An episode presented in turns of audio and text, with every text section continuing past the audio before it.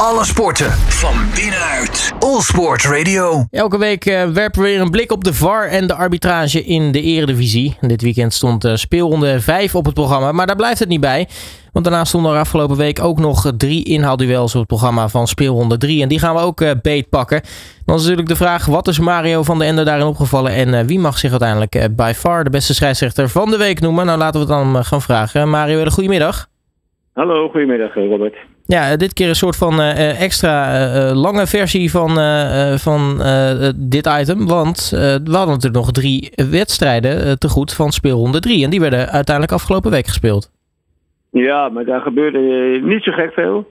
Met uitzondering dan bij, bij Twente Excelsior. Daar werd ehm, ja, twee keer een uitstekend VAR-advies gegeven aan de dienstdoende scheidsrechter. Dat was in dit geval Nachtegaal. Uh, bij de uh, 2-0 uh, van FC Twente uh, richting van Wolfswinkel, die scoorde assistent Slachter. dan wordt het allemaal altijd nagekeken of het doelpunt wel rechtsgeldig is en goed tot stand is gekomen. En daar bleek in ieder geval dat ja, de assistent had gevlacht. Maar ten onrechte, en toen werd het doelpunt in ieder geval toch terecht goedgekeurd. En bij een eventuele 2-1 die ja, gescoord leek te worden door Excelsior bij Drioux, die, die scoorde. Maar dan weet je dus inderdaad dat ja, niemand vlagde scheidsrechter was het ook ontgaan. Dat in ieder geval voorafgaand buitenspel was geconstateerd door de VAR. En nou ja, goed, in ieder geval het doelpunt helaas ook zelfs afgekeurd. Maar wel terecht. Dus dat was eigenlijk wat door de week opviel. Ik dacht, goed, dan ga ik dan gelijk nog even, even verder met het afgelopen weekend. En dan begin ik dan eh, afgelopen vrijdag bij Fortuna Sittard tegen FC Utrecht. Daar uh, werd een inzet van Utrecht-speler uh, ja, op of achter de doellijn of voor de doellijn weggekopt door Cox. Dat, dat kon niemand zien. De assistent scheidsrechter stond niet precies op de, op de, op de doellijn, dus die, die, die, kon het ook niet zien. ja, en dan zie je gewoon dat het gemis van doellijntechnologie ja, in, in zo'n geval weer heel duidelijk zichtbaar wordt. En dat is alleen maar jammer, want ja, het gaat nog steeds om de zuiverheid eh, van de wedstrijd, eh, vind ik nog steeds.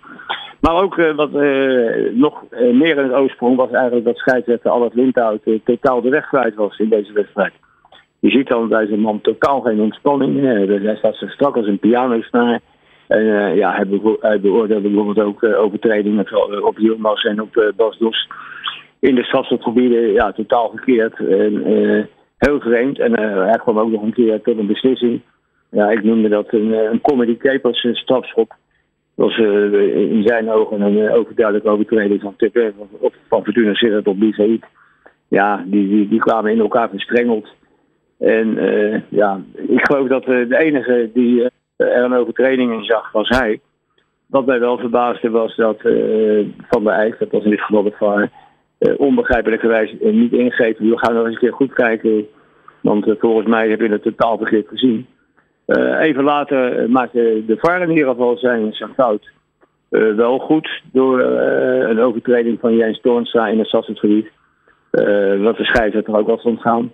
in ieder geval de scheidsrechter naar de kant te roepen en waarna de bal in ieder geval voor Fortuna terecht op de stip kwam te liggen. Maar dat, het verbaasde mij gewoon dat ja, het optreden van, van Lindhout, dat was in, in dit geval ver en ver onder de maat wat je dus mag verwachten op eredivisieniveau. En dan loopt die wedstrijd uiteindelijk ook nog even uit de hand met het publiek. Ja, maar ja, goed, daar, daar kun je als scheidsrechter uh, eigenlijk weinig aan doen. Kijk, als, als er een paar spelers van FC Utrecht aan het warmlopen zijn. en vanuit het FC Utrecht-vak wordt overduidelijk vuurwerk naar die spelers gegooid. Ja, dan, uh, dan moet je eerst nog even afvragen hoe die mensen op een tribune thuis. En wat hij wel goed deed, was gewoon even de wedstrijd even, even stilleggen. Want ja, dat is gewoon het voorgeschreven protocol. Ik denk dat het niet eh, zo gek lang meer eh, gaat duren voordat, eh, voordat ze zijn wedstrijd helemaal eens een keer gaan staken. Want ja, dit is natuurlijk absurd gedrag. Hè, dat een paar weken achter elkaar nu, op, nu op plaats zien. En overigens ook al een paar weken achter elkaar van FC Utrecht supporters. Ja, goed, en er zijn natuurlijk nog meer clubs waar wel wat gebeurt. Maar het, ja, op, op dit moment is, lijkt de kern van FC Utrecht in ieder geval zich niet te gedragen zoals uh, zoals een normaal mens verwacht dat mensen zich gedragen. maar goed, dan gaan we even naar Twente PSV. De, wedstrijd die heeft natuurlijk een verrassend ja, uitslag en een ja, verrassend scoreverloop. En dan zag je weer, weer zo'n situatie dat bijvoorbeeld Propper, die maakte een, ja, een geelwaardige overtreding in, in de derde minuut. En dan zie je dat Makkeli dan toch even ervoor kiest om waarschijnlijk eerst eventjes proberen het met een mondelinge uh, ja, reprimande af te doen. Ja, ik zeg altijd van uh, uh, pak nou gelijk als je zo'n geelwaardige overtreding, want als dat in de tweede helft zou gebeuren, dan zal hij ongetwijfeld wel een gele kaart getoond hebben. En nu zie je gewoon dat toch eerst even met de mantel liefde. En ja, dat verbaast mij van een toch inmiddels ervaren scheidsrechter. Heerenveen NEC, daar uh, scoorde Haaien de 1-0, tenminste dat dacht iedereen. Maar de, de VAR ging weer kijken en uh, in de opbouw stond het Kolat uh, ja, toch wel een, een stukje buitenspel, wat met het lijnenspel in ieder geval overduidelijk was. Dus het was in ieder geval een uitstekende VAR-ingreep. En de VAR die ook goed advies gaf in dit geval was dat de VAR was Henschens, die scheidsrechter Kamphuis terecht overroelde, naar de kant haalde om even op het scherm te kijken. Want uh, uh, Halilovic, die, uh, ja, dat was een overtreding ja, die gewoon rood waard was. En ik vraag me dan ook af waarom Kamphuis eerst geel gaf. Want dan moet ja, als je geel geeft, dan moet je die overtreding ook gezien hebben. Maar in ieder geval verkeerd, totaal verkeerd ingeschat. En nogmaals, een goede beslissing van de VAR om hem naar de kant te halen en een, een terechte rode kaart was het, was het gevolg. En met de laatste wedstrijd, die kwart voor vijf opgesteld gisteren bij Groningen Vitesse. Dat uh, scoorde Zidovic, dacht iedereen 0-1.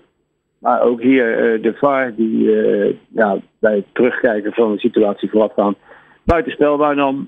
met lijnen werd dat weer overduidelijk aan het publiek getoond. Dus ook hier weer een, goede VAR ingreep. Dus dat waren een beetje de situaties die, die mij opvielen dit, dit weekend. Nou, top. Dan is het weer tijd voor het volgende. Is de beste scheidsrechter van het seizoen? Dat bekijken we eerst per week. Dit is by far de beste scheidsrechter van de week. Met Mario van den Ende. Ja, Mario, dan is het weer tijd om uh, het uh, klassement op te maken. Wie mag zich voor nou ja, deze speelronde by far de beste scheidsrechter van de week noemen? Nou ja, goed, dat is dus met die bonus, met drie wedstrijden erbij, kwam ik erop dat bij RKC Excelsior wedstrijd die 5-2 eindigde. En uh, ja, niet al te hoge moeilijkheid uh, kende. Maar goed, dat moet je als schijnzetter. Uh, kun je daar niet vaak alles aan doen. Maar dat was in dit geval van der Laan. die, die scoorde het hoogste cijfer. En ja, eigenlijk twee keer zo'n hoog cijfer als, als Lindhout ontving. Want dat was, ja, wat ik al eerder zei, ver. De, de, ondergrens bij Fortuna Sittard tegen FC Utrecht. En, ja, dan denk ik bij mezelf, die moet, die, gewoon eens een keer uh, ja, proberen toch eens even wat meer te gaan ontspannen. Want dan, denk ik dat zijn jongens de wedstrijd op een hele andere manier benadert en, uh, er doorheen komt. Want uh, wat ik al zei, dat ja, het verschil tussen de minste en de beste prestatie van dit weekend, ja, daar zit een enorm gat tussen. In ieder geval Yannick van der Laan dus uh, by far de beste scheidsrechter van de week. Uh, Mario van der Ende mag ik je hartelijk danken voor je tijd. En uh, spreek je de volgende keer weer. Want we gaan nu richting een Interland weekend, toch? ja, maar ja, we gaan eerst eventjes... Oh, we hebben nog één speelronde trouwens. Naar, ja. naar de Champions League. Ja. En, en, en, dat is natuurlijk ook niet verkeerd. ik zag in ieder geval nog geen aanstellingen voor Nederlandse scheidsrechters in de Champions League. Maar goed, we gaan. En, en ik zag dat er een Duitse, een Duitse scheidsrechter die floot, uh, die fluit bij uh, Ajax tegen Rangers. En uh, ja, goed, ik denk dat we daar. misschien kunnen we daar ook nog wel even op terugkomen. Want daar gebeuren ook wel wat dingen die arbitraal toch wel interessant zijn om even te vermelden. Precies. En ik zie trouwens, we hebben nog één speelronde te gaan voordat we richting Interland voetbal gaan. Dus in dat geval spreken we jou volgende week weer. Ja, oké. tot dan. Hoi hoi. Dit is by far de beste scheidsrechter van de week. All Sports Radio.